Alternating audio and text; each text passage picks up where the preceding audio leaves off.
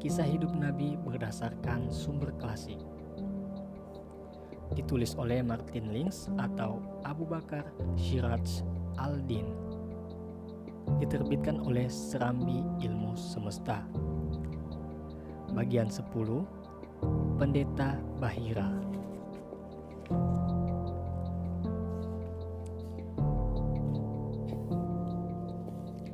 Menjelang akhir hidupnya, kakeknya Abdul Al-Muthalib merosot. Ketika meninggal, warisan yang ia tinggalkan untuk setiap anaknya hanya sedikit. Sebagian dari mereka, terutama Abdul Al-Uzza yang dikenal dengan Abu Lahab, telah memiliki kekayaan sendiri, tetapi Abu Talib hidup miskin dan kemenakannya perlu bekerja semampunya untuk mendapatkan nafkah sendiri. Muhammad banyak bekerja sebagai pengembala domba dan kambing. Dari hari ke hari ia mengembala sendirian di perbukitan Mekah atau di lereng-lereng pegunungan. Di samping itu pamannya kadang-kadang membawanya dalam berbagai perjalanan.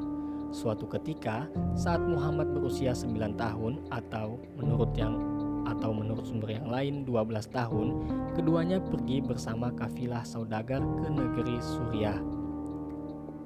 Di Bostra, di dekat sebuah tempat persinggahan para saudagar Mekah, berdiri sebuah biara yang dihuni seorang pendeta Kristen dari masa ke masa.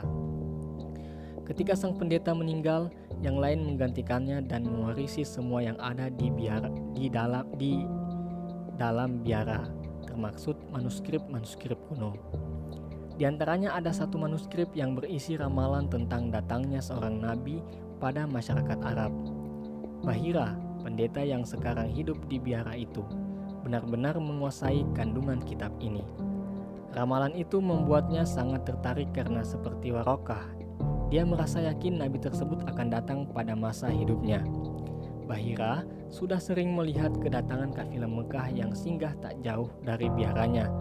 Tetapi kali ini perhatiannya terpaku pada sesuatu yang tidak pernah ia lihat sebelumnya. Segumpal awan bergel, segumpal awan bergelayut rendah bergerak pelan di atas kepala mereka sehingga awan itu selalu berada di antara matahari dan satu atau dua musafir dari kafilah itu. Dengan sa dengan sangat terik, dia melihat dari dekat. Tiba-tiba perhatiannya berubah menjadi kekaguman. Karena begitu mereka berhenti, awan itu pun berhenti bergerak. Awan itu tetap menggumpal di atas pohon yang di bawahnya mereka berteduh sementara pohon itu merunduhkan daun-daunnya di atas mereka. Dengan demikian, mereka berteduh di bawah dua naungan. Bahira tahu bahwa pertanda itu, walaupun tidak menonjol, mempunyai signifikansi yang tinggi. Hanya orang yang punya kepekaan spiritual tinggi yang bisa menjelaskannya. Dan segera dia berpikir tentang nabi yang diharapkan itu. Benarkah akhirnya dia datang juga dan berada di antara musafir-musafir itu? Biara itu baru saja mendapatkan berbagai persediaan makanan. Bahira menyuguhkan semua yang dimilikinya dan berkata kepada para musafir, "Wahai kaum Quraisy, aku telah menyediakan makanan untukmu. Aku berharap kalian semua datang kepadaku, tua dan muda, budak ataupun orang merdeka." Maka mereka pun datang ke biaranya, tetapi sekalipun Bahira telah berkata demikian, mereka meninggalkan Muhammad di belakang untuk menjaga unta dan barang-barang mereka. Ketika mereka mendekat, Bahira menatap wajah mereka satu persatu. Namun, tak satu pun yang ia lihat sesuai dengan penggambaran dalam kitabnya. Tidak juga ada seorang pun di antara mereka yang pantas bagi kebesaran dan mujizat itu. Barangkali mereka belum datang belum datang seluruhnya. Wahai kaum Quraisy, seru Bahira. Jangan sampai ada seorang pun dari kalian yang tertinggal. Tidak ada seorang pun yang tertinggal, jawab mereka, kecuali seorang anak laki-laki.